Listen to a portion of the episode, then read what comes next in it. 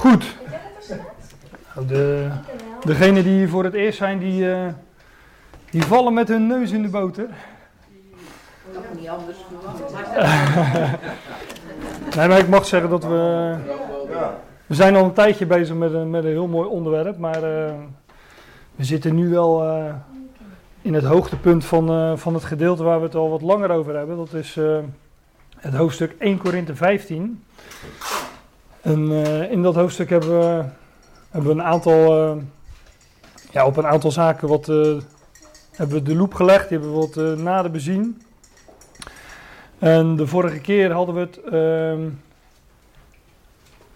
nou, niet, dat was niet de vorige keer, maar die keer daarvoor hadden we het. Ja, wat, denk, ik wat eigenlijk het middelpunt van het hoofdstuk is. Kijk, 1 Korinthe 15 is wel het, ehm, het onderwerp waar Paulus het eigenlijk over wilde hebben tegen de Corinthiërs. En eh, hij heeft een hele lange aanloop nodig om, eh, om daar te komen. Maar uiteindelijk gaat hij dan spreken over, eh, ja, over dat waar het werkelijk om gaat. De, de, het fundament van het evangelie. Ehm, de, de historische feiten daarvan, waar het allemaal op is gebaseerd.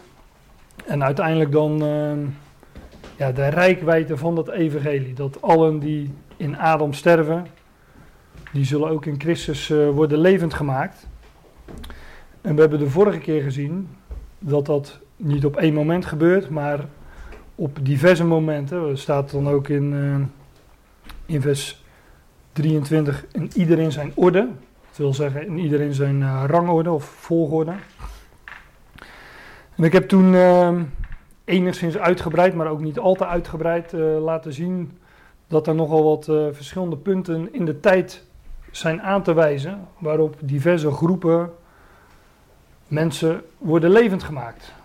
Want allen die in Adam sterven, zullen in Christus worden levend gemaakt. Nou, dat zijn er nogal wat en dat gebeurt eh, in verschillende fases. Ik ga dat nu niet eh, dunnetjes overdoen. Ehm, wat ik nog wel wil benadrukken voordat we verder gaan, dat heb ik vorige keer ook wel gezegd, maar nogmaals even de nadruk eh, daarop. Dat het in 1 Korinthe 15 gaat om het levend maken van allen die in Adam sterven. Het gaat niet om opstanding aan zich. We kennen in de schrift diverse mensen die zijn opgestaan al in het Oude Testament. Zij stonden op uit de dood, ze werden tot leven gewekt, maar zij stierven weer. Maar hier in 1 Korinthe 15 gaat het over levend maken namelijk eh, dat, dat men onvergankelijk leven ontvangt. Leven dat de dood achter zich heeft. En degene die levend gemaakt is, die sterft dus niet meer. En dat is letterlijk wat er van, eh, van Christus wordt gezegd in Romeinen 6, vers 9, dacht ik. Maar hier in 1 Korinthe 15 wordt gesproken over dat allen levend gemaakt worden, zoals de eersteling Christus. Christus, dat staat in 1 Korinthe 15, vers 20. Christus is opgewekt uit de doden. En hij is de eerste, eersteling, de eerste vrucht van de oogst. De eersteling geworden van degenen die ontslapen zijn. Nou, Christus is dus de eersteling van heel die reeks die zal worden levend gemaakt. Hij is de eerste van, hè, zoals allen in Adam sterven, zo zullen alle worden levend gemaakt. Nou, Christus is daarvan de eerste. En dan zegt uh, Paulus, maar iedereen zijn orde. En dan uh, zegt hij inderdaad de eersteling Christus. Daarna die van Christus zijn in zijn toekomst, in zijn parousia. En daarna zal het einde zijn. Ik benadruk dit omdat ik, uh, ik, heb al zo vaak meegemaakt dat mensen hierover. Uh, nou, deze waarheid geweld proberen aan te doen. Uh, een paar weken geleden had ik nog bijvoorbeeld iemand, dat was ergens op internet. Die zei van ja, als ik zeg dat iedereen koffie wil. Dan bedoel ik ook niet dat alle mensen koffie willen. Dus als ik vanmorgen had gezegd iedereen wil koffie. Dat heb ik niet gezegd, want ik weet dat niet iedereen koffie wil. Maar als ik dat hier had gezegd, dan weten jullie ook van ja, uh, in de context bedoelt hij natuurlijk degene die hier in huis zijn, uh, wil iedereen koffie. En dan degene die in huis zijn, als, als het antwoord ja is, dan wil iedereen hier in huis koffie. Maar dan heb ik het niet over degene die uh, eh, een deurtje verder zitten of, of waar dan ook. Maar dat is natuurlijk nogal een flauw argument. Ehm, en juist dat argument werkt nog tegen degene die het zegt ook, want het gaat inderdaad juist om de context. En als ik hier zeg van wil iedereen koffie, dan bedoel ik inderdaad iedereen hier in huis.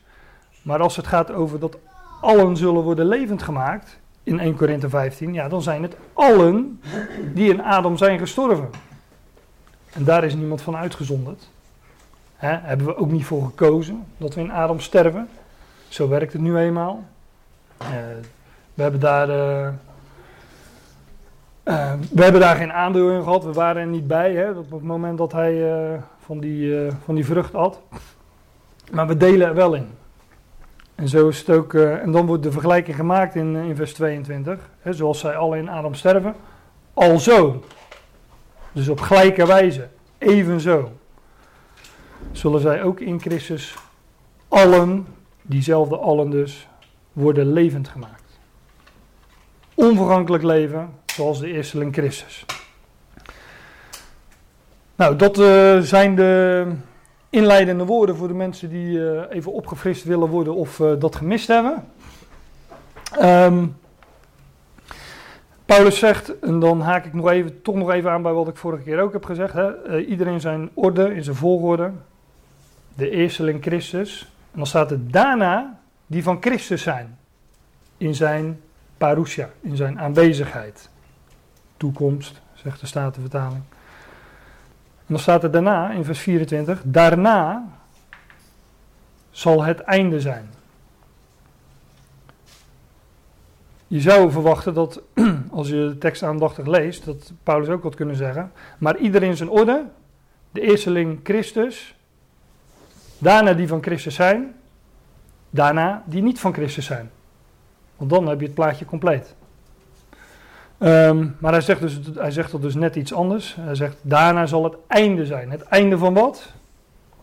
Nou, het einde van de levendmakingen, waarover hij eerder sprak. Want allen zullen in Christus worden levend gemaakt. Um, ik haal nog één of twee diaatjes uh, terug van de vorige keer. We hebben de vorige keer gezien dat uh, we nu leven in de tegenwoordige boze Aion. Heb ik ook dit diaatje laten zien. Waar in die boze Aion um, het kruis stond, maar ook het uh, geopende graf. Dus het, was, het is in deze tegenwoordige boze Aion waarin Christus stier, leed, stierf, en opstond uit de dood. Maar aan deze aion, aan deze tegenwoordige boze aion, zal een einde komen. Dan zal Satan gebonden worden voor duizend jaren. Die periode wordt in de schrift ook wel de toekomende aion genoemd. En in openbaring 20 dus de duizend jaren. En daarna zal een aion aanbreken, een tijdperk, die in de schrift genoemd wordt de aion van de aionen. En in openbaring, aan het einde van openbaring, um, wordt gesproken van een nieuwe hemel en aarde. Ik heb toen um,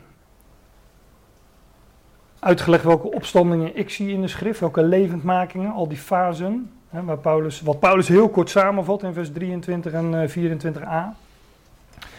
Eh, en toen heb ik gezegd dat dit grafisch dan voorstelt, wat Paulus noemt, daarna zal het einde zijn. Want pas na dat moment, na dat moment wat, uh, van de nieuwe hemel en aarde, wat we vinden beschreven in openbaring 21, 20 ook nog, maar openbaring 21 en 22 met name, pas daarna zal alle vijandschap er niet gedaan worden, maar daar komen we straks al op. En pas daarna zal God zijn alles in allen. Nou, dat is dus het thema van, van deze ochtend. Um, van deze Bijbelstudie. En dat uh, hier nog even al die opstandingen op een, uh, op een rij. Voor degenen die erbij waren en die het diaatje herkennen van de vorige keer. Ik heb toen al die opstandingen doorgenomen. Maar waar ik het nu over wil hebben, waar we vorige keer, wat ik vorige keer heel kort benoemd heb, Uh, maar waar ik het nu wat uitgebreider over wil hebben, omdat Paulus dat in 1 Korinthe 15 ook nader uitwerkt, is dit moment dat God zal zijn alles in allen. Dat zal zijn na de duizend jaren, na de nieuwe hemel en aarde. En dat is wat Paulus in 1 Korinthe 15, vers 24, het begin van 24 noemt. Daarna het einde. Dan zullen namelijk de overige doden worden levend gemaakt. Hè, de levendmaking van de overige doden. Want het is het einde van de levendmakingen. Dus ehm, wanneer allen die nog in de dood zijn, worden levend gemaakt, dan zal dat het einde zijn van de levendmakingen. Dat is dus het, uh, maar dat is meteen ook het teniet doen van de dood. De dood, zullen we straks lezen in 1 Korinthe 15, de dood zal worden teniet gedaan. Ik zal straks ook nog wel in de interlineair laten zien hoe het er uh, precies staat. Buiten werking gesteld. Dus er zal geen werking van dood meer, meer zijn. De dood zal geen kracht meer hebben, zal van zijn kracht zijn beroofd, zal niet worden gedaan. Of hoe je dat ook wil zeggen, zal gewoon totaal niet meer zijn. En dat kan maar op één manier. En dat is dat elk schepsel dat ooit geleefd heeft, in ieder geval laat ik het zo zeggen, dat allen die in Adam ooit gestorven zijn, dat die zullen leven. Want zolang er nog maar één van degenen die in Adam gestorven zijn in de dood is, dan is de dood, heeft nog kracht, dan werkt de dood nog en is de dood nog niet teniet gedaan. Dus pas op het laatste moment, wanneer allen zullen zijn levend gemaakt, wanneer de dood zal teniet gedaan zijn, pas dan zal dat het einde zijn van de levendmaking en zal God zijn alles in allen. Nou, dat is uh, de, het tijdlijntje, om het zo even te zeggen, en uh, de inleidende woorden. Um, ja, voor degenen die vorige keer niet bij waren, um, ga, ga, ik natuurlijk heel snel door de diatje heen. Ik heb ook expres um, dit, al die opstandingen wat wat naar de achtergrond gebracht, om, omdat ik nu echt over dit gedeelte wil hebben, hè, die levendmaking van allen. En God zal zijn alles en in allen. We haken aan in vers 24 van 1 Korinthe 15. daar gaan we gewoon verder.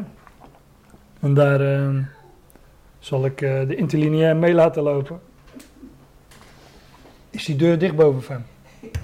Dat is misschien wel handig. Ja, hij is wel vrij rustig toch? Hij is dicht. Oh, hij is dicht. Ik denk niet dat het in geeft. Ja, als je, het al, als je het al te bond maakt, kunnen we altijd nog even naar boven. Kunnen we ook nog een verdieping hoger zetten? Dan, ja. Ik kan natuurlijk ook vragen in plaats van koffie, of dat iedereen zuurstof wil. Ja. Dan zegt iedereen ja. Ja, ik denk het ook. Ja, ja anders zijn we dood. Weet ik niet meer.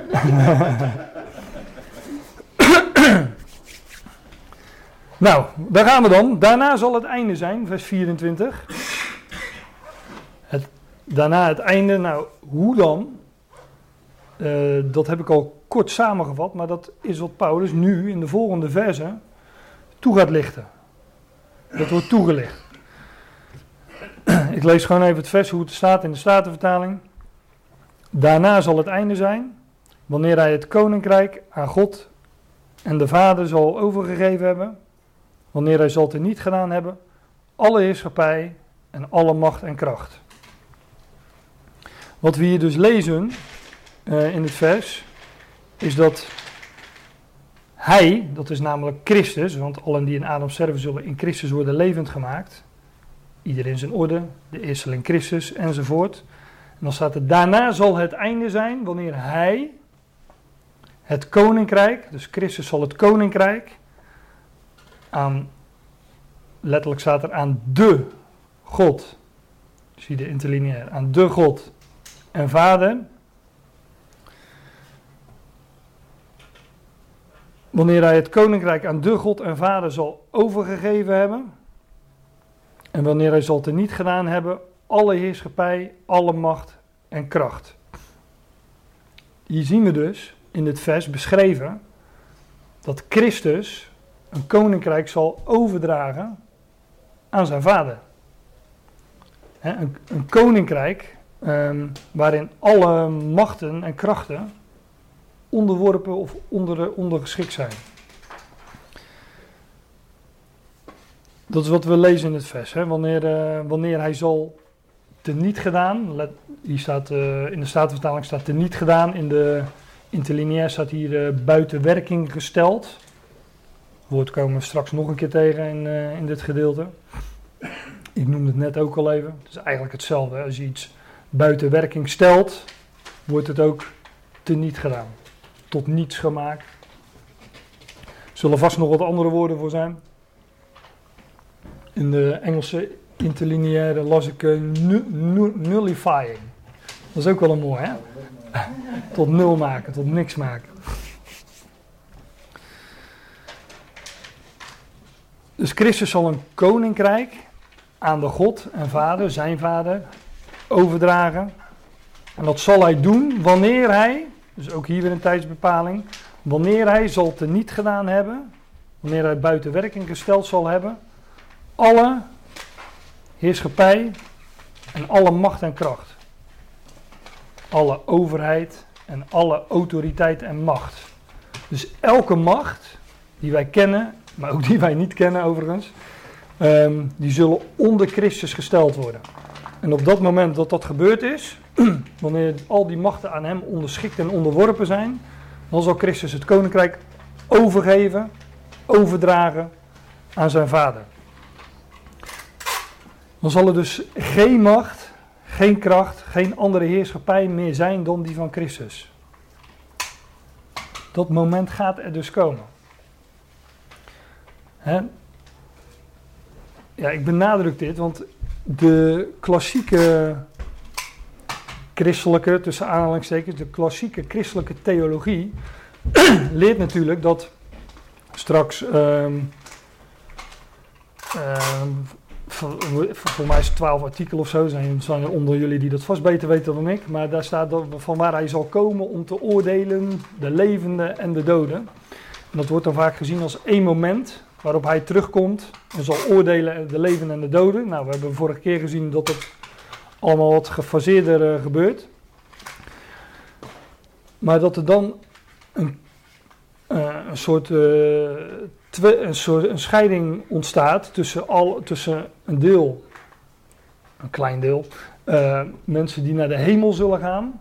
En dat het grootste gedeelte van de mensheid voor altijd zal verloren zijn. En nou, ik zal het maar gewoon zeggen, zal branden in de hel. Want dat is klassieke theologie. En, en die hemel wordt dan gezien als een plek waar God uh, de dienst uitmaakt. En die hel wordt dan gezien als een soort plek waar de duivel en zijn trawanten de dienst uitmaken. En tot in uh, eeuwigheid, wat men dan leest als altijd durend. En een behagen inscheppen om, uh, om al die mensen die op die plek zijn met vlammen te folteren en te pijnigen en, nou, enzovoort. Ja, het eigenlijk is het om te huilen, maar ik moet er ook wel een beetje om, om lachen dat je zo'n een bizar krom beeld kan hebben. En met dezelfde mond beleiden dat God een God van liefde is. Maar waarom zeg ik dat?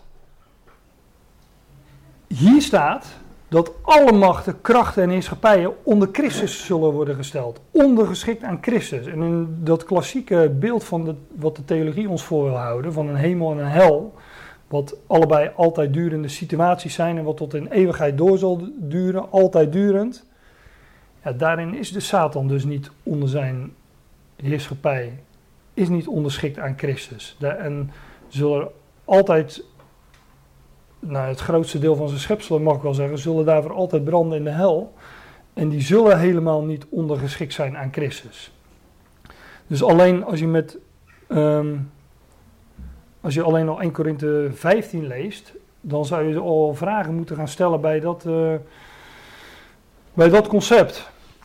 Hè, hoezo dan een hel en een duivel die voor eeuwig regeert?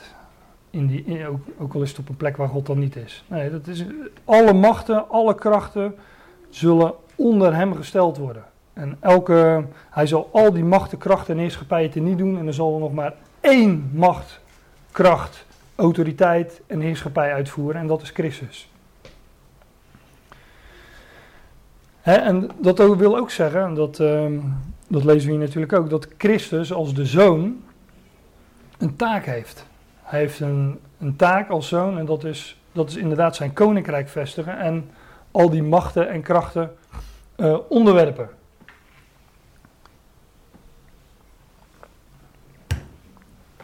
Kijk, wij, we, zullen straks ook lezen dat, dat hij het, dat koninkrijk, waarin alles onderworpen is, overdraagt aan zijn God en Vader. Dat lezen we hier overigens ook. Hij zal het koninkrijk aan God en Vader overdragen wanneer hij zal het niet gedaan hebben, al die heerschappij, macht en krachten. Zijn taak, zeg maar, als, uh, als zoon, zijn functie, is alle machten en krachten onderwerpen, maar alles wat, de, wat Christus doet, is tot heerlijkheid van zijn God en Vader. We lezen dat bijvoorbeeld ook in, uh, in Filippenzen 2. Daar staat. Uh, Jezus kwam als mens in vernedering. Dat wordt in Filippenzen 2 beschreven. Hij kwam als mens. En kunnen jullie het niet lezen? Ja, maar. Oh, komt dat door de lichtval? Of, uh... Nee, ah. Oké. Um, daar staat dat hij in, de, in gedaante als een mens is gekomen en zichzelf heeft vernederd. Lezen we in Filippenzen 2. En dan staat er op dat in de naam van Jezus, en Jezus, Jehoshua, betekent Yahweh red, opdat in de naam van Yahweh red, in de naam van Jezus zich zou buigen, elke knie van hen die in de hemel en die op de aarde en die onder de aarde zijn ik haal dit vers uh, ook aan omdat, omdat hier vergelijkbare zaken worden beschreven. Hier staat dat elke knie zich zal buigen en zich zal onderwerpen aan, uh, aan, aan Jezus. Er staat later dat dat tot heerlijkheid van God de Vader is. Maar ook hier wordt dat dan in wat andere woorden beschreven dat alles ondergeschikt zal worden aan Hem. En hier staat er ook nog eens bij: elke knie van hen die in de hemel en die op de aarde en die onder de aarde zijn. Ook hier is er geen uitzondering. Allen. En elke tong zou beleiden of toejuichen dat Jezus Christus Heer is, tot heerlijkheid van God de Vader. Ik weet niet meer welke vertaling ik hier heb geprojecteerd, maar ik ken een vertaling die heeft inderdaad dat, uh, dat toejuichen omdat het woord dat hier gebruikt wordt een, een van harte beleiden is van binnenuit. Dus echt een uh, oprecht, een, een oprecht, uh, eigenlijk het homologeo. Het is het woord ex-homologeo. Een ex is van binnenuit, hè? zoals een explosie, van binnen naar buiten. Of expansie. En homologeo betekent hetzelfde zeggen, dus beleiden. En dat, uh, dus van binnenuit dat, met dat van harte beleiden. Van binnenuit, dus van harte, zou je kunnen zeggen. En elke tong zou beleiden of zou toejuichen dat Jezus Christus Heer is. En ook dit is, staat hier, staat het ook, het is tot heerlijkheid van God de Vader. Dus elke knie zal buigen en elke tong zal beleiden dat Jezus Christus Heer is. Maar het is tot heerlijkheid van God de Vader. Christus onderschikt zich aan de Vader en dat is ook zijn ja, zijn positie als, uh, als zijn zoon. Hij heeft dus een taak of een functie zou je kunnen zeggen en uh, dat is onderworpen aan de vader. En, en uh, wat ik al zei, op aarde en die onder de aarde zijn. In 1 Korinthe 15 staat dat dan net iets anders. Daar staat alle heerschappij en alle macht en alle kracht. Maar het zijn vergelijkbare, vergelijkbare woorden. Vers 25 van 1 Korinthe 15.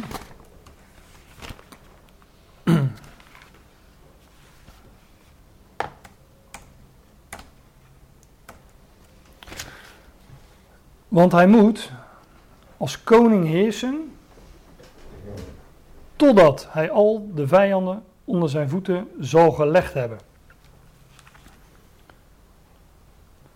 Christus moet als koning heersen totdat hij al de vijanden onder zijn voeten hebben, gelegd zal hebben. Elke heerschappij, alle macht en kracht zal onder zijn voeten worden gelegd. Um, ja, ik blader even naar Lucas 1.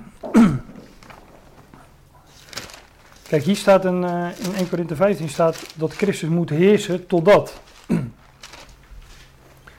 zijn heerschappij, zijn, uh, ja, het, heersen, dus zijn heerschappij heeft dus een, uh, heeft dus een totdat. en we, we, vinden natuurlijk in, in, in tal van liederen dat Christus tot in eeuwigheid uh, regeert. Ook in de in uh, standaardwerken zoals de catechismus uh, vind je dat terug. En we vinden bijvoorbeeld in, in Lucas 1, en dat is vers 33. Dan zal ik het gewoon even lezen zoals het in de vertaling staat. Maar even de interlineaire erbij pakken natuurlijk. In de vertaling staat daar, hij zal over het huis van Jacob Israël, Israël dus. Hij zal over het huis van Jacob koning zijn in der eeuwigheid. En zijn koninkrijk zal geen einde zijn. Hij zal koning, koning zijn over het huis van Jacob. En dan staat er tot in de Ionen. Zoals je ziet in de interlineair. Tot in,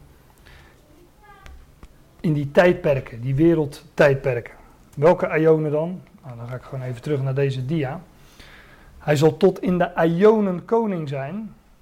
Wanneer Satan gebonden wordt aan het begin van de duizend jaar, dan zal zijn heerschappij starten op aarde.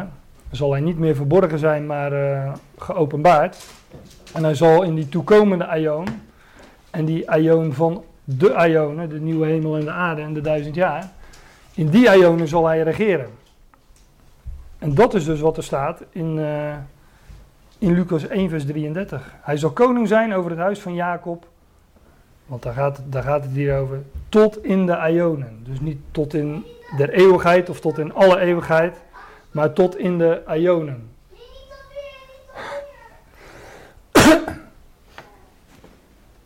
Gaat goed, Fem? Er staat wel achter zijn koninkrijk zal geen einde zijn. Hè? Het koninkrijk van hem zal geen einde hebben. Nee, dat is waar. Want hij, dat zullen we straks ook lezen.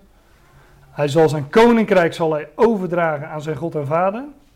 Dus aan dat koninkrijk zal geen einde zijn, maar wel aan de heerschappij van Christus. Want hij zal, wanneer alle vijandschap, alle overheid, alle macht en kracht zal niet gedaan worden, dan zal hij zijn koninkrijk overdragen. Zal de zoon het koninkrijk een volledig onderworpen koninkrijk overdragen aan de Vader.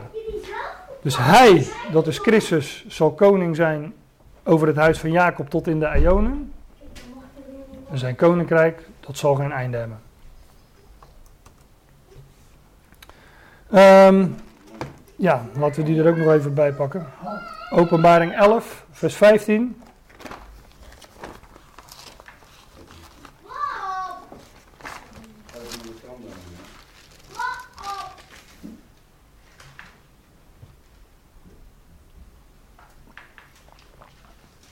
Daniel is nog niet zo'n wijze bouwmeester, hè? Als je, je gaat bouwen voor een deur.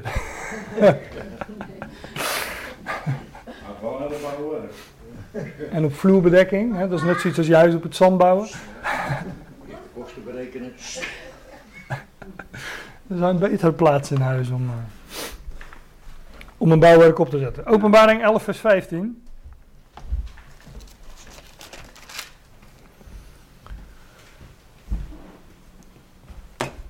Helemaal voorbijgaand aan het, uh, aan het verband natuurlijk.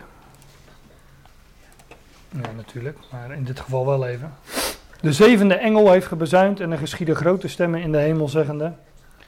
De koninkrijken der wereld, hè, de koninkrijken van deze wereld, zijn geworden van onze Heer en van zijn Christus. Dus dit is het moment dat, we, waarvan we ook... Uh, dit is het moment dat al die koninkrijken onderworpen zijn of onderworpen worden. De koninkrijken van deze wereld, van de wereld, zijn geworden van onze Heer en van zijn Christus. En hij zal als koning heersen. En dan heeft de vertaling in alle eeuwigheid. Maar er staat tot in de ionen van de ionen. Dus weer die laatste ionen, wanneer uh, ja, Christus zijn koninkrijk zal openbaren. En ehm, ja, wat wij wel noemen de duizend jaar of uh, de nieuwe hemel en aarde. Over staat hier in alle eeuwigheid, ook dat alle heeft men, uh, heeft men toegevoegd. De vertalingen spreken ook nog wel eens over alle eeuwigheden. Nou, wat dat dan zou moeten zijn, dat als één eeuwigheid al een eindeloos iets is, wat zijn dan alle eeuwigheden? en, uh, dus men heeft er wat dingen aan toegevoegd. En het ook gewoon niet, verder niet vertaald. Er staat gewoon tot in de aion van de aionen. Tot in de tijdperken van de tijdperken. Maar dat zijn dus de, de ionen waarin, waarin, Christus, waarin Christus regeert. En aan het einde van die ionen, dan gaat Christus zijn heerschappij overdragen. Dan is alle macht en alle kracht, alle overheid is onderschikt aan hem. En dat is wat de schrift noemt het einde van die levendmakingen oftewel, de, dat is dan ook meteen de laatste levendmaking van de levendmaking van allen die op dat moment nog in de dood zijn. Ja, en daarmee, met het levend maken van allen die nog in de dood zijn, wordt meteen de dood teniet gedaan. Of buiten werking gesteld. Het teniet doen van de dood. En op dat moment is er alleen nog maar leven, is er geen dood meer en dan zal God zijn alles in allen. Maar die term God alles in allen heb ik, uh, die vinden we pas in vers 28. Eh, dus daarmee loop ik wel wat uh, vooruit op, op, op, wat ik nog, op wat we nog tegenkomen. Maar die regering van Christus in die laatste ionen, in de, ion, de ionen van de ionen, zoals we dat in, in openbaring 11 beschreven vinden. Daarover gaat ook openbaring nou, pak hem bij 20 tot 22, globaal gezegd. En dat wil ik, dat wil ik jullie ook laten zien, omdat we vinden in openbaring uh, met name 21 en 22, vinden we dat de dood daar nog aanwezig is. En Paulus spreekt dus over een moment waarop de dood straks niet meer aanwezig zal zijn. Dat is ook het volgende vers in 1 Corinthië 15. Ik blijf nu even in openbaring. Maar daar staat de laatste vijand die teniet gedaan wordt. Dat is de dood. De laatste levendmaking. Het teniet doen van de dood. Het einde van de levendmakingen. Ja, dat is een, moment wat dus beschreven wordt. Na wat we in openbaar. Dat is een moment dat de situatie beschrijft. Laat ik het zo zeggen. Dat moment wat Paulus in 1 Korinthe 15 noemt. Dat beschrijft de situatie. Na openbaring 21 en 22. Openbaring 21 en 22 wordt uh, vaak gezien als het sluitstuk van, hoe noem je dat, de heilsgeschiedenis. Ik heb daar geen ander woord voor, hoewel ik het woord uh, ook niet in de concordantie zal vinden, denk ik. Maar dat, dat, men ziet dat vaak als het, als het sluitstuk van de heilsgeschiedenis. Dat is op zich logisch, hè? het is het laatste Bijbelboek. Um, het, is het, het zijn de laatste hoofdstukken van het laatste Bijbelboek. Maar Paulus ziet verder. En als je, als je gewoon leest wat er staat en je bestudeert wat er staat en je gelooft wat er staat, dan zie je ook dat het er staat. Maar ja, dan moet je dat wel doen natuurlijk. Maar in openbaring 21, vers 28, blijven dus even, we gaan dus nu even kijken naar die laatste hoofdstukken. Bestaat niet. Bestaat dat niet? Nee, 28. Oh, nee, het is vers 8. Ik zit nog beter in mijn hoofd dan in mijn aantekeningen, zie ik. ja, jullie dachten dat ik uh, een schrift toe wilde gaan voegen. nee, we wilden gewoon kijken of ze wakker waren. Het dat, is, dat is wel grappig, want het heeft ook echt maar 27 versen, zie ik. En ik, ik heb het over vers 28. Ja, ja, dus kan wel. Onderzoek de dingen zal zo zijn. Zo bestaat er wel een handelingen 29, hè, in de dat, dat circuleert op. Nou, ja, ik wil jullie niet uh, wijzer maken dan je bent, maar. Uh, er zijn mensen die nog wat toe wilden voegen aan handelingen en die hadden daar een handelingen 29 voor nodig. dus dat, uh... Maar dat terzijde, want het gaat echt over iets heel anders. Ik wil ook geen verwarring zaaien hier natuurlijk. Nou, ik, ik ga, uh, we hebben vorige keer al even um, kort stilgestaan bij die grote witte troon die we in openbaring 20 beschreven vinden. Aan Satan die, die gebonden wordt, dat vinden we allemaal daar beschreven. Dat de aarde en de hemel wegvluchten. Hè, vers 20, vers 11. Ik zag de aarde en de hemel wegvluchten. Hè, oftewel, en er staat er meteen achter dat er geen plaats meer voor die aarde en hemel werd gevonden. En dan zie je in, vers, in 21 vers 1 dat er wordt gesproken van een nieuwe hemel en een nieuwe aarde. Dit plaatje dus, of dit zo je wilt, de nieuwe hemel en de nieuwe aarde, nou, die vangen dus uh, op het tijdlijntje hier aan en op dit tijdlijntje hier. Maar dan is er dus nog een periode te gaan. En, maar, maar wat we hier zien in openbaring 21 en in vers 8, is dat daar de dood nog aanwezig is. Daar staat, ik lees gewoon het vers, zonder op al die uh, uh, termen die daar genoemd worden in te gaan. Het gaat mij nu even om, de dood is daar nog aanwezig. Dat is het punt wat ik wil maken. De vreesachtigen, de ongelovigen en gruwelijke doodslagers, hoereerders, tovenaars, afgodendieners, alle leugenaars, wat het allemaal ook wezen mag, is hun deel in de poel, of het meer, die daar brandt van vuur en sulfer. Het meer, het brandende in vuur en zwavel. En dat is, die poel van vuur, de tweede dood. Dat staat hier, maar dat staat ook in uh, um, 20 vers 14. De poel van het vuur, het meer van het vuur, dat is de tweede dood. Dus op het moment dat we in openbaring de beschrijving vinden van die nieuwe hemel en aarde, is daar dus nog de tweede dood, de dood dus. Die is daar nog aanwezig. Op het moment, tenminste daar, die is nog aanwezig. Die, die dood is dus nog niet teniet gedaan.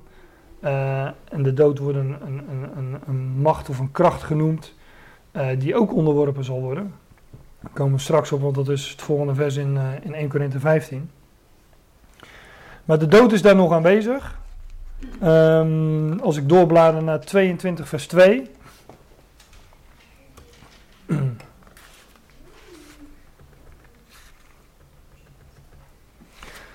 Dan staat daar. Uh,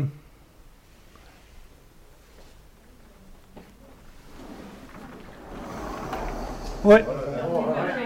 Ze, ze zit boven.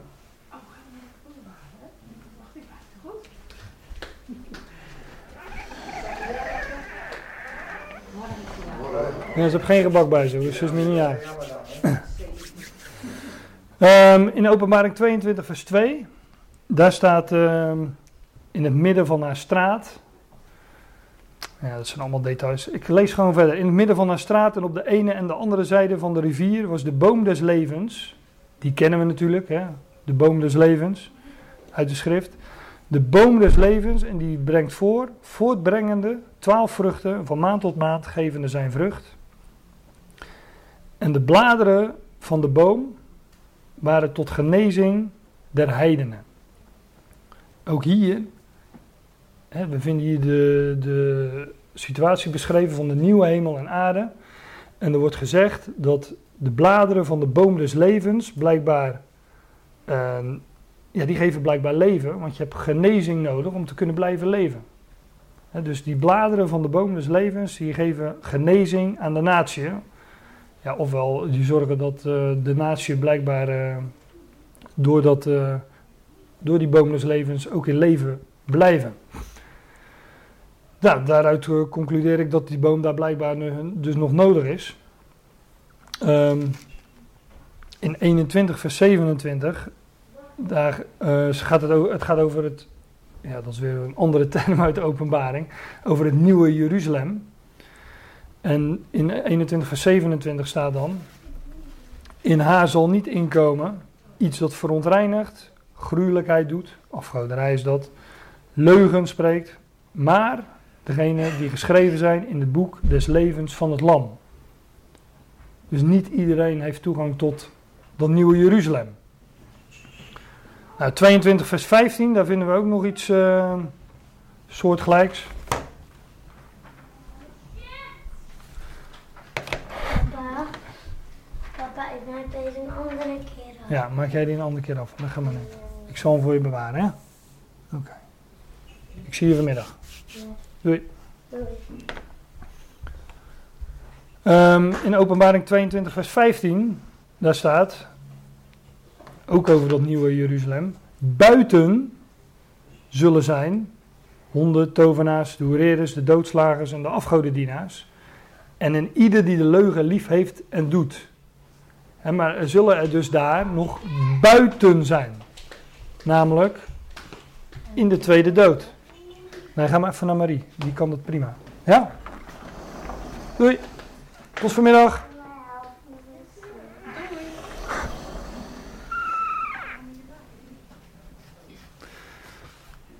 Dus in de situatie waar de nieuwe hemel en aarde wordt beschreven, daar, zullen nog, daar zal de dood nog zijn, de tweede dood.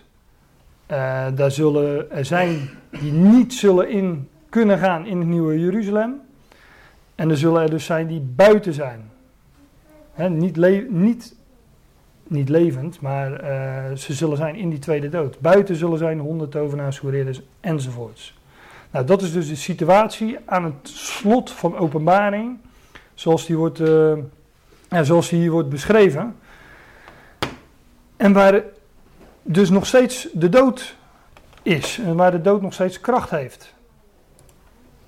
Nu terug naar 1 Korinthe 15.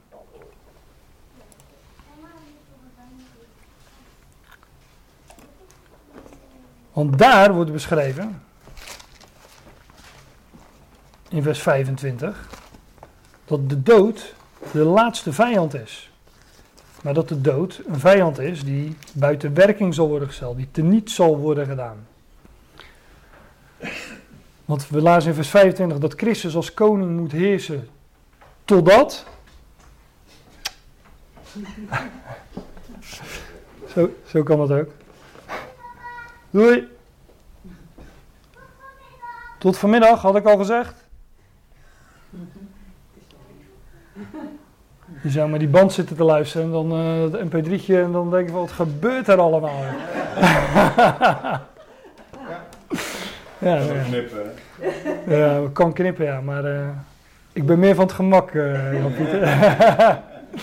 nee, weet je, dat, dat is de dynamiek van een thuissituatie, zullen we maar zeggen. Ik ook geen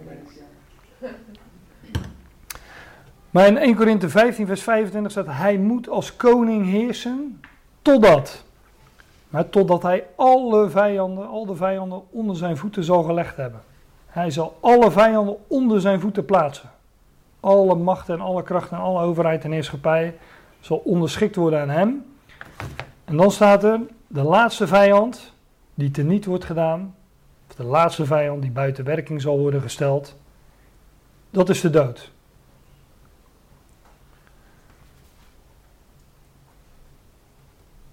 Dus nogmaals, ja, ik benadruk het, omdat het. Dit, ja, je hoort het gewoon bijna nergens. Dus ik, uh, ik vind, als je dat weet, dan moet je het ook zeggen. Dan, uh, daarom zitten we hier ook bij elkaar, om, uh, om, om, om deze dingen met elkaar te delen. Maar in de duizend jaar en op de nieuwe hemel en aarde is de laatste vijand nog niet buiten werking gesteld. Is de laatste vijand nog niet teniet gedaan. Want we hebben gezien, er is nog genezing nodig en de dood, de tweede dood, is daar nog aanwezig, heeft daar nog kracht.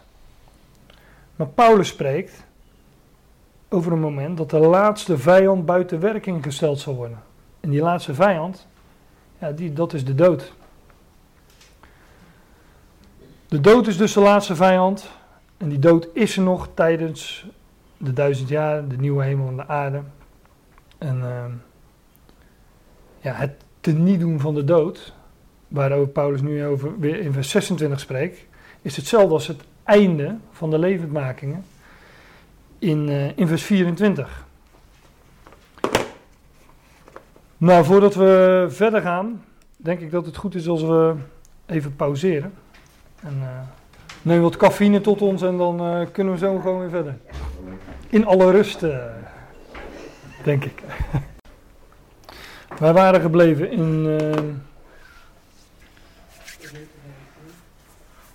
vers 26. Ja, overigens uh, in vers 25 wordt gezegd dat, uh, dat hij alle vijanden onder zijn voeten zal plaatsen of zal stellen of zal gelegd hebben. Dat zijn overigens uh, aanhalingen uit, uit de psalmen.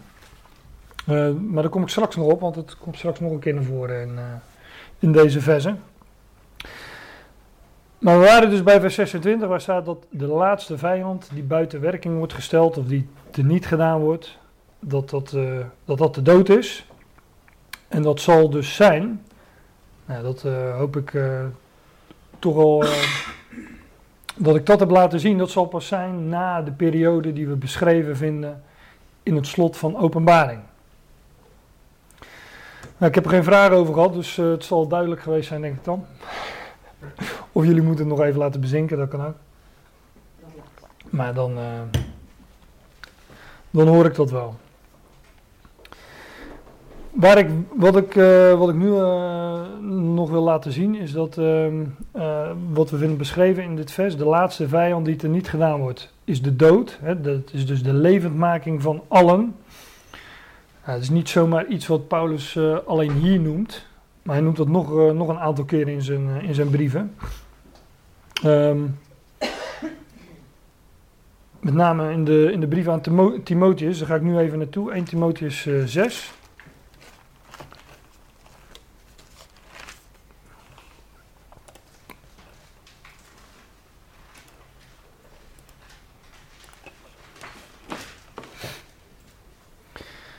Ik lees hem eerst weer even in de vertaling, 1 Timotheus 6 vers 13.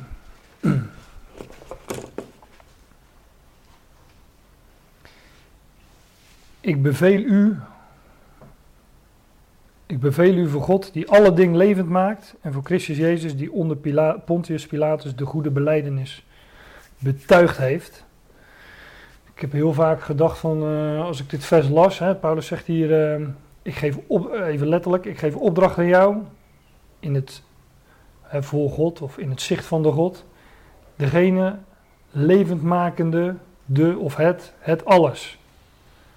Dus hier gaat het over God die alles, het alles, maar in ieder geval alles of allen, levend maakt. En ik heb heel vaak gedacht van, waarom zegt hij hier dat nou als een soort van tussen neus en lippen door? En um, Maar dit staat in de context van de Timotheusbrief natuurlijk, de eerste Timotheusbrief. En we zijn hier aanbeland in hoofdstuk 6, dus helemaal aan het einde van de eerste brief.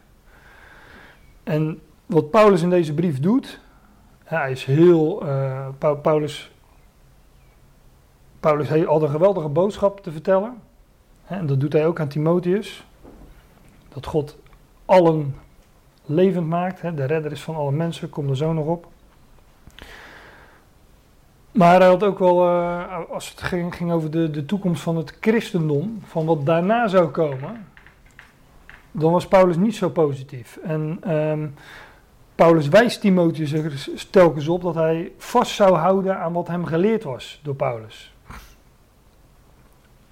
En um, nou, bijvoorbeeld in, uh, in vers 3 van dit hoofdstuk, uh, 1 Timotheus 6 vers 3, daar, daar zegt Paulus ook, als iemand een andere leer leert, Hè, onder onderwijs.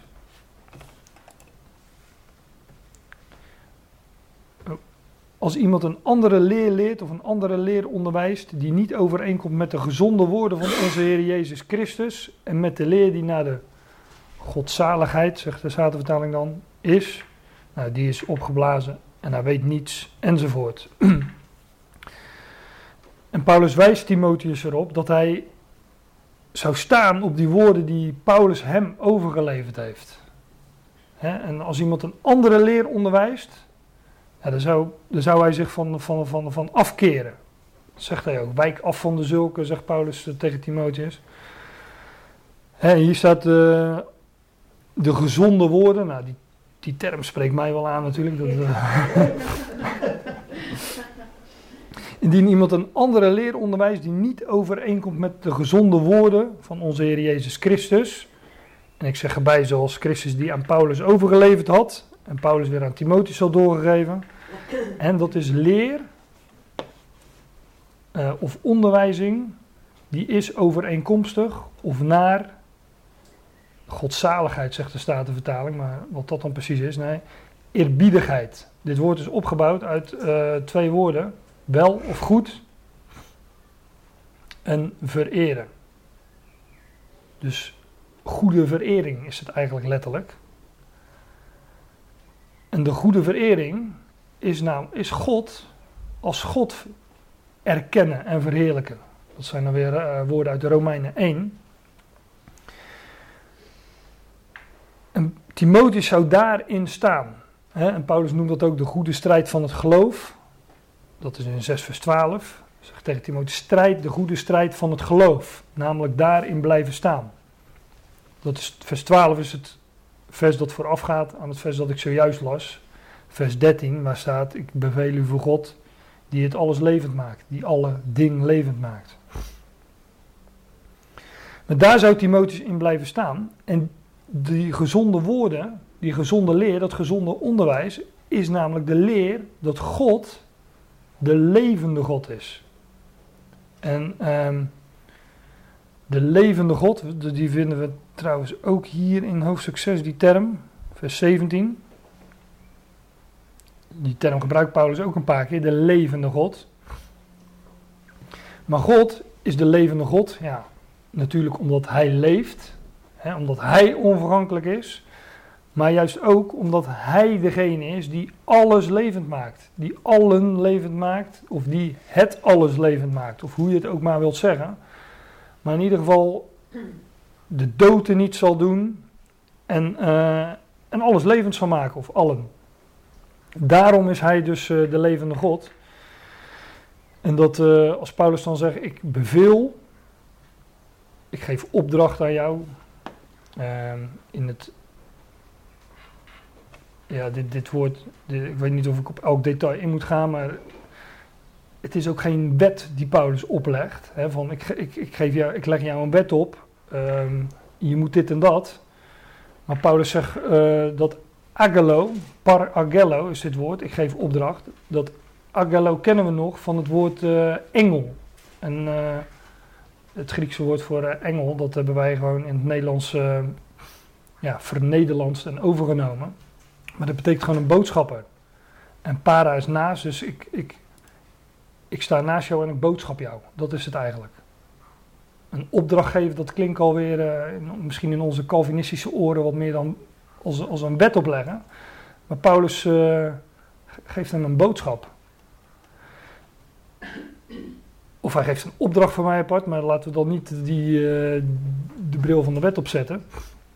Maar ik, ik, ik, ik geef opdracht aan jou, of ik geef jou de boodschap in het aangezicht of in het zicht van God die alles levend maakt. In verband daarmee zeg ik je van nou, logisch daaruit voortvloeiende zou zijn als je de levende God kent. Nou, enzovoort. En dan de volgende verse. Maar daar wijst hij uh, zijn, uh, zijn vriend en zijn uh, geestelijk kind, want zo noemt hij hem, daar wijst Paulus Timotheus op als zijn, uh, ja, zijn leerling wellicht. Maar we vinden dit, uh, dit woord, dat uh, dan vertaald is met ik beveel, vinden we een aantal keren in de Timotheusbrief. Um, een keer of vijf. En onder andere dus hier, maar ook in 1 Timotheus 4. Daar wordt, en daar wordt ook gesproken in 1 Timotheus 4 van de, van de levende God.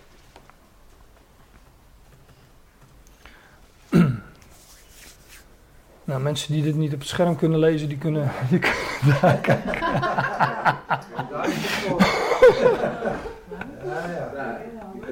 Oh ja.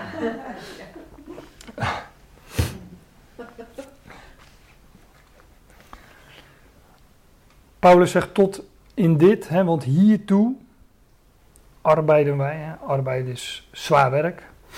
Zwoeren wij. Nou, altijd, altijd inderdaad zwaar werk eh, te leveren als we zo uh,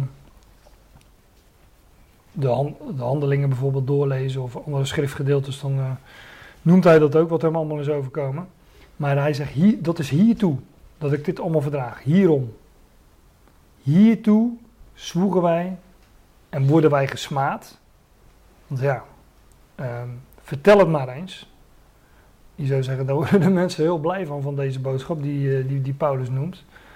Maar het is echt een, uh, uh, het is een struikelblok voor godsdienstige mensen. Het is een, een, ja, het, men, wordt er niet, men wordt er niet blij van. Maar Paulus zegt van ja, toch zwoer ik hiertoe en wij worden hiertoe gesmaad, omdat we hebben gehoopt op de levende God. En die God is een redder van alle mensen. Vooral van gelovigen. En wij gelovigen, wij mogen die boodschap nu al kennen. En, uh, maar eens zal, zal elk mens die kennen. Eens zal elk mens inderdaad gered worden. Hij is de redder van alle mensen. Paulus zegt, nou die boodschap die droeg ik uit. Die draag ik uit. En uh, dat schrijft hij hier aan Timotheus. En hiervoor zwoegen wij en worden wij gesmaad. Ja, dus als je deze boodschap vertelt, dan, uh, ja, dan weet je, als je dit leest, ook ongeveer wat je te wachten staat. Maar ik denk altijd, nou ja, in onze tolerante maatschappij valt het uh, wel in mee. En het, ons zal uh, niet gaan overkomen wat Paulus allemaal, allemaal is overkomen. Maar ja, een, de, wat smaad en, en mensen die je negeren zal wel, ten zal wel je deel zijn als je als je deze boodschap naar voren brengt. Maar het is een werkelijk evangelie natuurlijk. Dat God de redder is van alle mensen. En er zijn natuurlijk altijd mensen die het wel willen horen.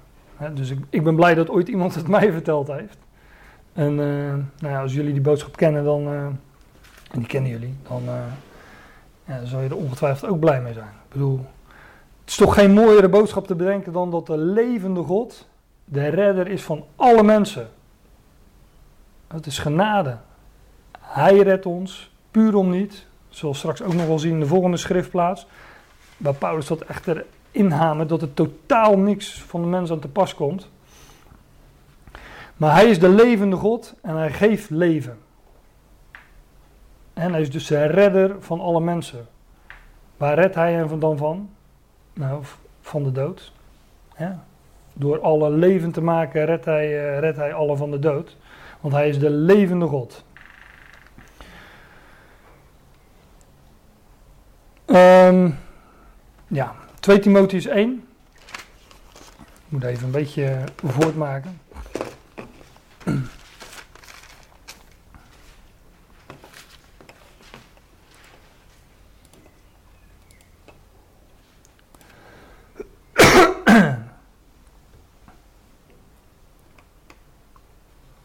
Ik haak even aan in dit vers. Want dit sluit echt naadloos aan op wat hij zegt in 1 Timotheus 4, vers 10. Oh, wacht, ik vergeet nog iets. Even terug naar 1 Timotheus 4, vers 10, want ik vergeet vers 11. Want ik zei net, hij zegt een aantal keren: Ik beveel u hè, voor God, die, die alles levend maakt, we in 1 Timotheus 6. Maar hier zegt hij: De levende God is de redder van alle mensen. Nou, beveel en leer dit.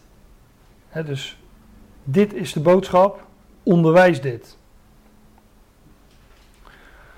Dus het leek me een goed moment om daar weer eens bij stil te staan deze ochtend. Ja.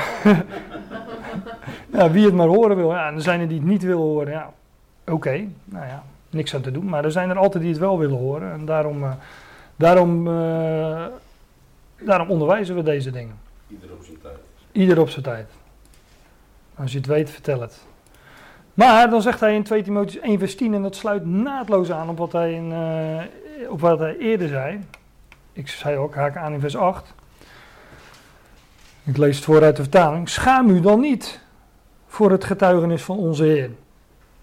Nog voor mij, die, die zijn gevangene ben, maar leidt verdrukkingen met het evangelie naar de kracht Gods. Schaam je toch niet voor het getuigenis van onze Heer. dat de levende God de redder is van alle mensen. Dat Hij degene is die alles en allen levend maakt. Dat is geen boodschap om je voor te schamen. Kijk, dat mensen het niet willen horen, ja, uh, niet ons probleem. Het komt vanzelf. want elke knie zal buigen en elke tong zal van harte blijden dat Jezus Christus Heer is. Dus ja, we schamen ons niet voor dat getuigenis, we geven het door. En dat zegt Paulus ook tegen Timotheus: schaam je niet voor dat getuigenis van onze Heer, nog voor mij, die zijn gevangene ben.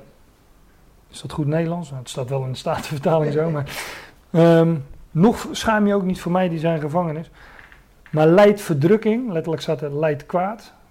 Staat er eigenlijk nog wat anders. Leidt samen kwaad. Dat sun, dat is samen.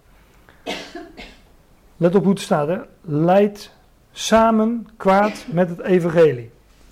Ik zei al, als je dat evangelie naar voren brengt, van de levende God is de redder van alle mensen en zal allen levend maken. En men wil niks van die boodschap horen, dat dat evangelie wordt over het algemeen ontkend, verguist, wordt geweld aangedaan. Nou ja, dan zal dat, uh, zegt Paulus hier ook, dan uh, zal je dus, als je dat evangelie brengt, zal je kwaad lijden samen met dat evangelie. Leid samen kwaad met het goede bericht. Paulus zegt volgens mij is het in Filippenzen 1, misschien 2, dat weet ik niet, maar of het laatste verse van Filippenzen 1.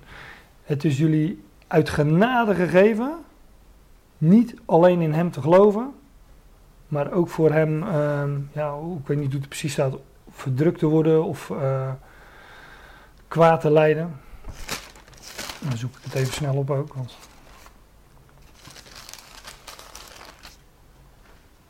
Het is u uit genade gegeven in de zaak van Christus, niet alleen in hem te geloven, maar ook voor hem te lijden. is genade, zegt Paulus.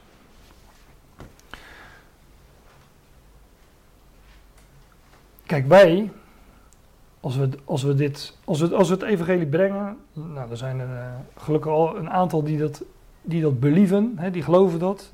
En die, uh, die, die nemen dat in blijdschap aan.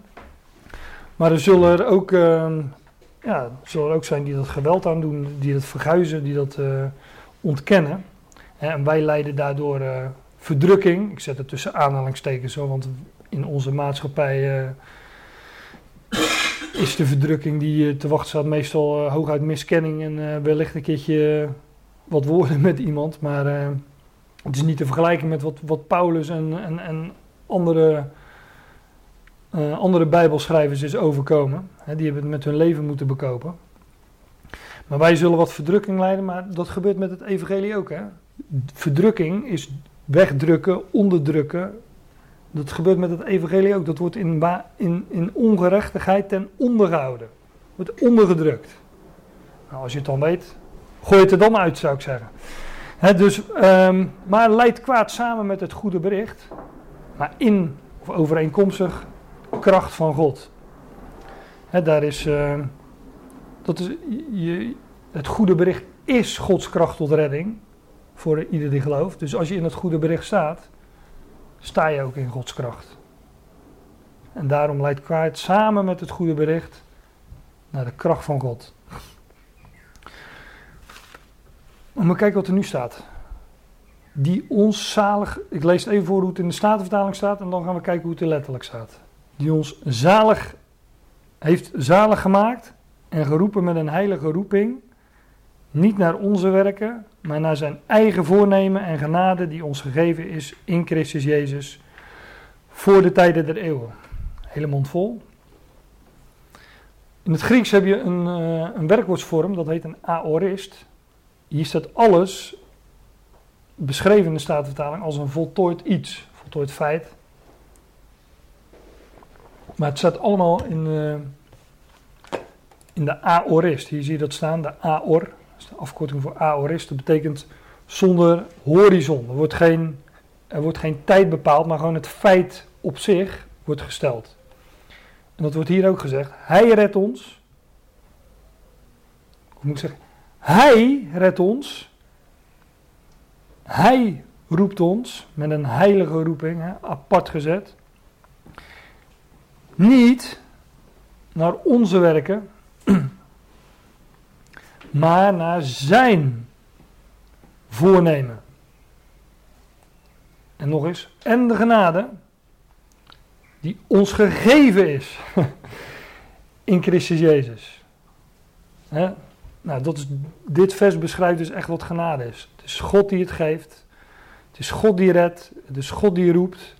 Het is God, uh, het is zijn niet onze werken. Het is God die zich iets voorgenomen heeft en die iets doet, die een plan heeft.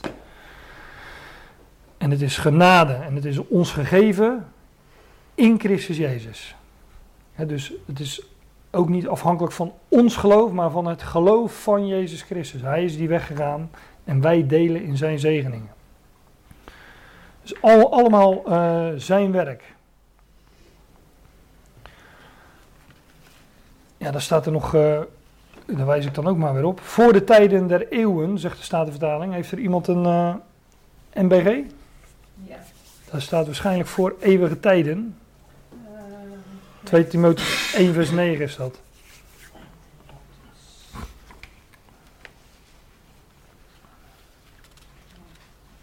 Ik heb zoveel erin liggen dat ik het niet Nee, dat staat volgens mij uh, voor, uh, voor eeuwige tijden. Ja, dat, is, dat is er af bij mij. Ja, heb je dat eruit gescheurd? Die, die voor jou gaat al een paar jaartjes mee, uh, zo te zien. Ja. Voor eeuwige tijden. Voor eeuwige ja, voor eeuwige, daar staat in de MBG staat voor eeuwige tijden. Nou, laat ik nu vroeger altijd geleerd hebben dat eeuwig juist zonder een tijdsbepaling iets is zonder een tijdsbepaling, zonder begin en zonder einde. En hier zou dan staan voor eeuwige tijden. De Statenvertaling heeft dat proberen op te lossen door ervan te maken voor de tijden der eeuwen. Dat, is eigenlijk ook, dat klopt op zich wel, maar dat is eigenlijk niet wat er precies staat. Er staat voor tijden Ionische. dus voor dat die Ionen begonnen.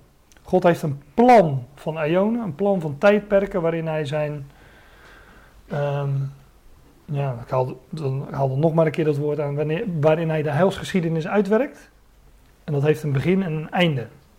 En dat einde hadden we het net over in 1 Korinthe 15. Wanneer hij alles, allen levend zal maken. Wanneer hij de dood niet zal doen. Maar er was dus ook een tijd voor die Ionen. En daarvoor was Gods plan al bepaald. He, staat ook ergens uh, dat wij al uitverkoren waren in Hem voor die Ionen.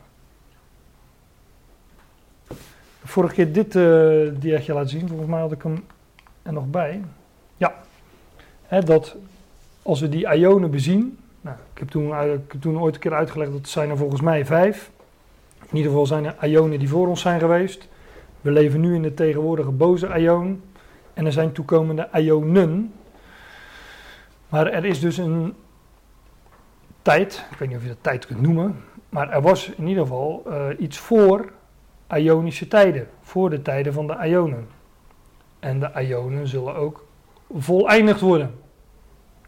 Allemaal dingen die, uh, die je in de schrift terugvindt, maar die volkomen mistig zijn gemaakt en weggepoetst door, uh, door de vertalers door van dat woord aion een eeuwigheid te maken. En dat ontneemt je ook meteen de hoop op de toekomst. als je van een aion een eeuwigheid maakt, dan komt er aan Gods, uh, aan de dood, komt, komt er dus nooit een einde. Terwijl de schrift leert dat er wel een einde aan komt. Gods toorn komt dan nooit een einde aan, terwijl de schrift leert dat er wel een einde aan komt. De Ionische straf is dan een altijd durende straf. Dat ontneemt je dus het, uh, het licht op de schrift. Nou ja, daarvoor komen we ook bij elkaar om, uh, om die bedekking en die mist weg te nemen. Om te kijken hoe staat het er nu wel. Maar dit is een van die schriftplaatsen die ons, uh, ja, waarbij we ons licht kunnen opsteken. Voor Ionische tijden. Voor eeuwige tijden voor mijn part. Maar dan moet je wel weten wat eeuwig is. Toen was Gods voornemen dus al bepaald. En dan staat er. ehm we moeten verder. Tijd loopt gewoon door. Maar nu geopenbaard is door de verschijning van onze zaligmaker, Jezus Christus. En daar zijn de rest was, eh, de rest was eh, inleiding, maar die de dood heeft er niet gedaan. Ik lees het weer even zoals hier staat.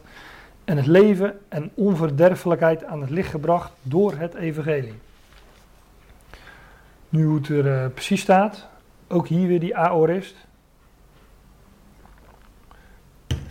Openbaar gemaakt wordend, echter nu door het tevoorschijn komen of door de verschijning van onze redder.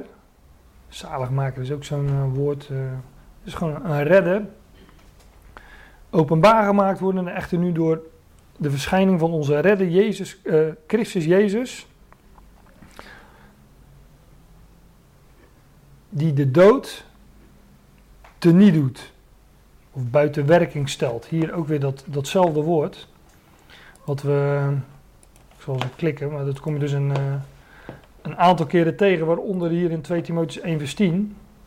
Maar je ziet hier dus eh, dat het in 1 Korinthe 15 die versen die we zojuist hebben gelezen.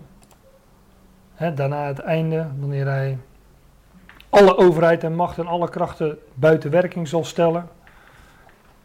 En vers 26 over de laatste vijand die er niet gedaan wordt, buiten werking wordt gesteld. Nou, datzelfde woord vinden we hier in 2 Timotheüs 1 vers 10. De dood wordt er niet gedaan. Christus Jezus brengt, eh, doet de dood niet. Hij stelt de dood buiten werking. En hij brengt leven en onvergankelijkheid aan het licht. Wij zouden zeggen onvergankelijk leven, maar wordt hier twee keer zelfstandig naamwoord gebruikt om daar ook nog eens de, de nadruk op te leggen. Leven en onvergankelijkheid. Precies zoals, ik, zoals we dat hebben gezien in, eh, in 1 Korinthe 15. Hè? De eersteling Christus die onvergankelijk leven heeft ontvangen. Elk schepsel, elk mens die in Adam is gestorven, zal daarin delen. Nou, hier staat het ook. Christus Jezus doet de dood niet. Gewoon het feit wordt gesteld. En hij brengt leven en onvergankelijkheid aan het licht. Ja, door het evangelie, door het goede bericht. Nou, dat is het goede bericht. En ik kan het niet nalaten om ook het volgende vers maar even mee te pakken. Want daar zegt Paulus dus, waartoe ik gesteld werd, of ben, een prediker en een apostel, een leraar der heidenen. Hiertoe zegt hij, deze boodschap, dat Christus Jezus de dood niet doet, leven en onvergankelijkheid aan het licht brengt. Hij zegt, hiertoe ben ik gesteld. Een uh, heraut, iemand die een boodschap proclameert, een bericht doorgeeft. Hiertoe werd ik geplaatst, gesteld als heraut en apostel, een afgevaardigde, een leraar van de natie. Paulus wist wel wat zijn missie was. Hè, waartoe was Paulus hier uh, op aarde? Ja, dat zegt hij hier. Om de boodschap door te geven, het goede bericht dat Christus Jezus de dood niet doet. Een leven en onvergankelijkheid aan het licht brengt. Beveel en leer dit, zegt hij. De levende God is de redder van alle mensen. Nou, dat waren zo wat, uh, wat schriftplaatsen waarin, uh, waarin we zien dat dat de dood niet wordt gedaan. Hè? Net zoals dat in uh, 1 Korinthe 15 uh, wordt beschreven. We gaan nog even terug naar uh, 1 Korinthe 15.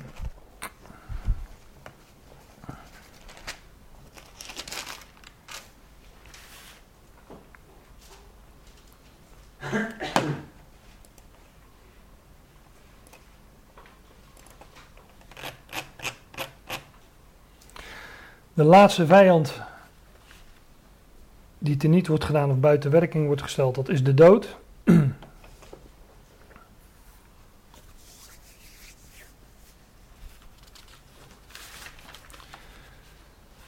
En de dood buiten werking stellen, dat is dus aan het licht leven en onvergankelijkheid aan het licht brengen.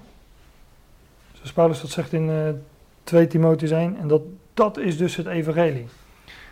Wordt er een, wordt er een boodschap verkondigd, waarin de dood niet buiten werking wordt gesteld, waarin de dood niet, wordt er niet gedaan, nou dan is dat dat klinkt wat zwart-wit, maar dan is dat dus niet het evangelie. Ik bedoel, het er zijn wel andere goede berichten. Ik bedoel, uh, nou ja, verzin het maar.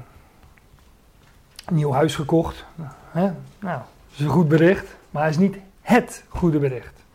En een boodschap waarin de dood niet teniet wordt gedaan, niet buiten werking wordt gesteld, is niet het goede bericht zoals Paulus dat leerde onder de natie.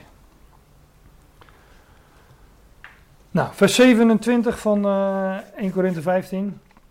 Daar staat, want hij heeft alle dingen aan zijn voeten onderworpen. dat zijn dus, uh, hier, herhaalt Paulus wat, wat woorden die, die hij in vers 25 ook noemde. Hij heeft alle dingen aan zijn voeten onderworpen, maar wanneer hij zegt dat hem alle dingen onderworpen zijn, zo is het openbaar dat hij uitgenomen wordt die hem alle dingen onderworpen heeft. Wat zegt Paulus hier uh, nu precies? Hij zegt nou, hij, dat is Christus, heeft uh, alle, alle dingen worden aan Christus onderworpen, maar daarin wordt uitgezonderd hè, die, degene die hem alle dingen onderworpen heeft. Hè, Christus, alle dingen worden aan hem onderworpen, maar daarboven staat God de Vader, want hij zou het koninkrijk aan zijn God en Vader overdragen, laten we in, uh, in vers 24. Nou, overigens is dit een, uh, dat zei ik al eerder, dit zijn aanhalingen uit, uh, uit de psalmen. Ik heb hier psalm 8. Ja, dit is een andere vertaling. Overigens in, uh, in het Nederlands kennen wij die beleefdheidsvorm. Die kent het Hebreeuws en het Grieks niet. Wij zeggen altijd u, als we over God spreken of over Christus. Um, Hebreeuws en Grieks hebben dat niet. Vandaar dat hier ook staat: En jij doet hem heersen over de daden van jouw handen. Alles heb jij onder zijn voeten gesteld. Het zijn dus al zaken die we terugvinden, geprofiteerd vinden in de, in de psalmen. Ja, en dit is psalm 8. Ik had ook naar psalm uh, 110 kunnen gaan. Daar staat, de Heere heeft tot mijn Heer gesproken. Zit aan mijn rechterhand, totdat ik alle vijanden gesteld zal hebben onder uw voeten. Dat is Psalm 110. Dit is Psalm 8 en Psalm 110. Psalm 110 en ik meen ook Psalm 8. Ja, die worden heel vaak aangehaald in het Nieuwe Testament. Volgens mij, volgens mij is Psalm 110 de schriftplaats uit het Oude Testament die het meest aangehaald wordt in het Nieuwe Testament. In ieder geval, anders staat die. Uh, uh, anders is het één van de meeste. Maar volgens mij was het uh, de meeste keren. En Paulus haalt het bijvoorbeeld ook aan in, uh, in Hebreeën 2, 2. Alle dingen, alles, onderwerp jij onder zijn voeten. Want in het alle dingen aan hem onderwerpen, laat hij niets aan hem niet onderworpen. Of dat niet onderworpen zou zijn, of niet onderworpen is. Nu, echter, zien wij nog niet dat aan hem alle dingen onderworpen zijn. Nee, we zien dat nog niet. Wij zien Jezus met eer en heerlijkheid gekroond, zegt uh, Hebreeën 2 ook. Wij mogen dat zien, onze ogen zijn daarvoor geopend. Maar het moment dat alle ogen geopend worden, elke knie zal buigen en elke, alle tong dat zal beleiden, ja, dat, uh, dat laat nog op zich wachten. Maar wanneer we dus zien in uh, 1 Korinthe 15 dat, dat wordt gesproken in vers 27, hij heeft alle dingen aan zijn voeten onderworpen. En wat hij ook al eerder aanhaalde in uh, vers 25, totdat hij alle vijanden onder zijn voeten zal gelegd hebben. Ja, dat zijn dus aanhalingen ook, uh, ook uit de psalmen.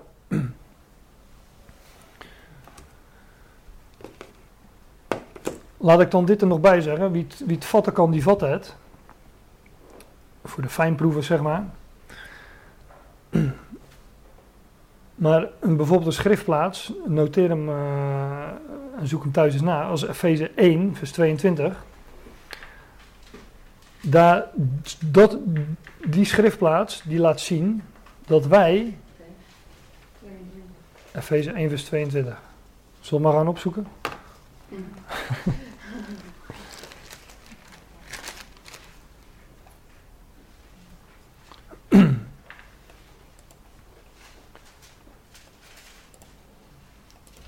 Misschien zijn jullie allemaal fijn proeven, dus we kunnen het zo goed even doornemen. ja, ik kom niet voor niks op een bijbelstudie, toch?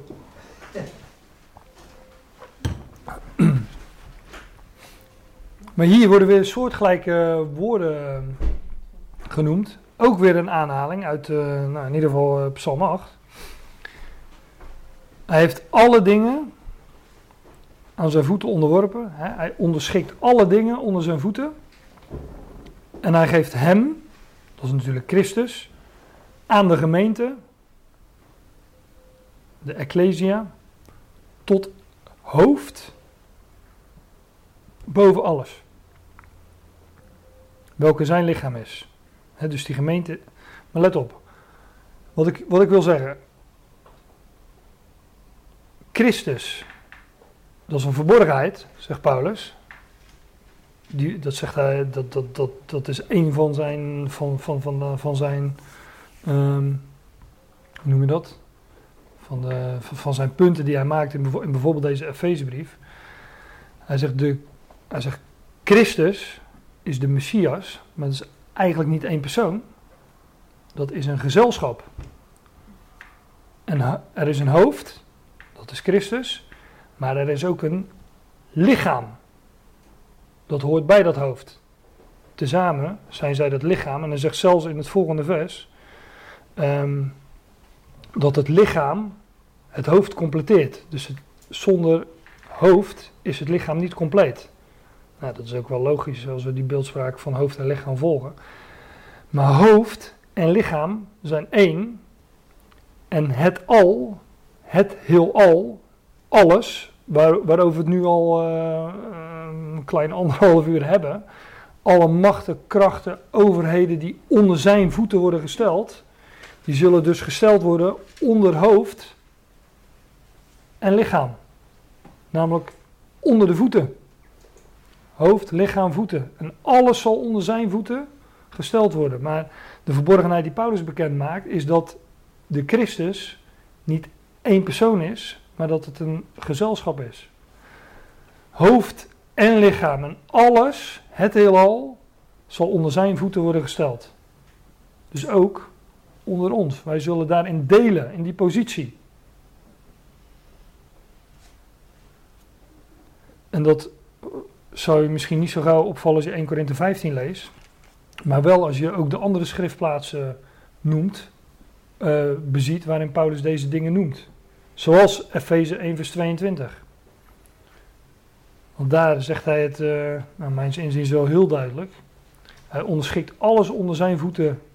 En hij geeft, uh, ja, hij geeft Christus als hoofd boven de Ecclesia. Die zijn lichaam is. Dus hoofd en lichaam zijn een eenheid. En daaronder zal het heel al gesteld worden.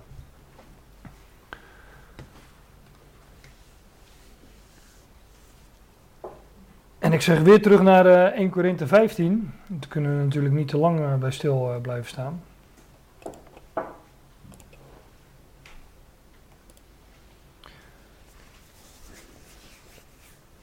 Nou, we gaan lezen gewoon verder in, in vers 28.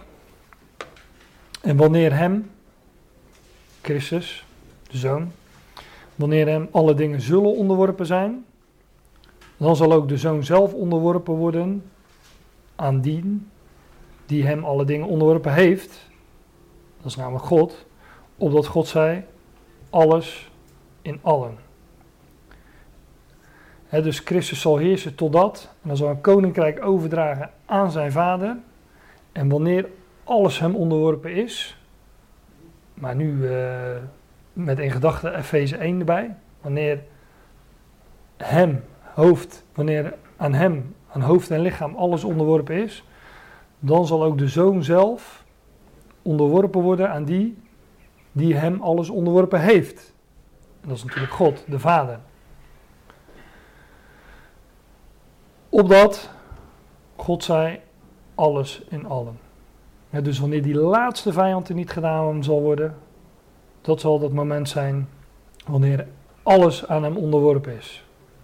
En dan zal er geen dood meer zijn. Dan zal, zullen alle leven, leven en onvergankelijkheid en dan zal de zoon zijn koninkrijk overdragen. En dan zal ook de zoon zichzelf onderschikken aan zijn vader, aan degene die hem alle dingen onderworpen heeft. Hè, opdat God zij alles in allen.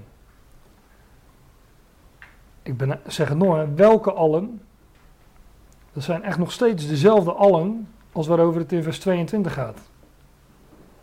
Alle willen koffie. Tuurlijk. Nee, we, ja, we kijken inderdaad naar de context. En als we zeggen, alle willen koffie, nou, daar hebben we het over gehad. Flauw gewoon. Eh, maar hier gaat het over allen die in Adam sterven, die zullen in Christus allen levend gemaakt worden. En God zal zijn alles in allen. Want God doet de dood niet door zijn zoon Christus Jezus. Hij zal de dood buiten werking stellen en leven en onvergankelijkheid aan het licht brengen voor elk schepsel, elk mens. Ja, dan zal God zijn alles in allen. Ehm, ja, dat, uh, wat moet ik me daarbij voorstellen? Ik, uh, ik weet in ieder geval dat het heel mooi zal zijn. We laten ons verrassen. Ja, nee, ja, ik, nee. Nee, als ik daar een uh, pasklaar antwoord op zou hebben, dan, uh, dan zouden we nu uh, moeten gaan lunchen en vanmiddag doorgaan, denk ik. Maar ja, hoe breng je zoiets zonder woorden? Dat, als je het mij vraagt, zegt de schrift daar zelf ook niet, niet heel veel over. Dus dit is een van de, van de weinige zaken die erover gezegd worden. Alleen, ja, um, kijk, wat ik wel naar voren heb willen brengen deze ochtend is dat de dood zal worden teniet gedaan, dat allen zullen leven en dat de situatie zoals die beschreven vinden in openbaring 1, 22, een stukje van 20, hoe we, wat we daar beschreven vinden, is niet het einde. En Paulus ziet hier verder en die ziet naar het moment dat de dood zal teniet gedaan zijn, dat leven en onvergankelijkheid deel is van elk schepsel, van elk mens. En dat zal een moment zijn dat God zei alles in allen. Kijk, ik weet wel dat als ik het begin van de schrift lees, dat daar ooit was God. In het begin is God gaan scheppen, om het zo te zeggen. Hij, maakte de hemel en de aarde, of hij schiep de hemel en de aarde. Maar daarvoor was er dus um, een tijd, maar nu, nu spreken we natuurlijk over zulke machtige zaken die bijna niet te vatten zijn. Dat, dat ooit, kijk, wij zijn zo gebonden aan tijd en aan, uh, aan, aan, het moment en aan wat we zien. En, maar de schrift zegt, in het begin schiep God de hemel en de aarde. Dat is natuurlijk ook maar even ik bedoel, hier zou je natuurlijk ook uh, weken over kunnen praten. Over het ene zinnetje wat hier staat. Hoe deed hij dat dan? Wat deed hij dan? En, maar ooit was er dus geen hemel en aarde. En was God alles in zichzelf. Hè? Dus hij zal straks zijn alles in allen. Maar hier lezen we van het moment dat, ja, dat er buiten God niets was. God was alles wat er was. Of alles in zichzelf. Nu ga ik snel verder, want als je er meer over gaat zeggen, ga je, toch stotteren. Nu woont God in Christus. Want in Hem woont heel de volheid van de Godheid lichamelijk, op lichamelijke wijze. Wat staat erachter, wie weet dat? Want in Hem woont heel de volheid van de Godheid lichamelijk. En gij zijt in hem volmaakt. Dus zijn in hem volmaakt. Dus God woont in zijn zoon. Ik zei al, dat is, dat is niet slechts. Nou, slechts. Dat is, dat is niet één persoon, dat is een, dat is een volk. Een, een, een, een ecclesia, dat is een lichaam, hoofd en lichaam. En daarin woont God. In hem woont heel de volheid van de Godheid lichamelijk. Dus God was ooit alles in zichzelf. Nu is hij alles in de, gemeente, in hoofd en lichaam, de Ecclesia. En straks zal hij zijn alles in allen. Nou, hier wil ik het maar bij, uh, bij laten.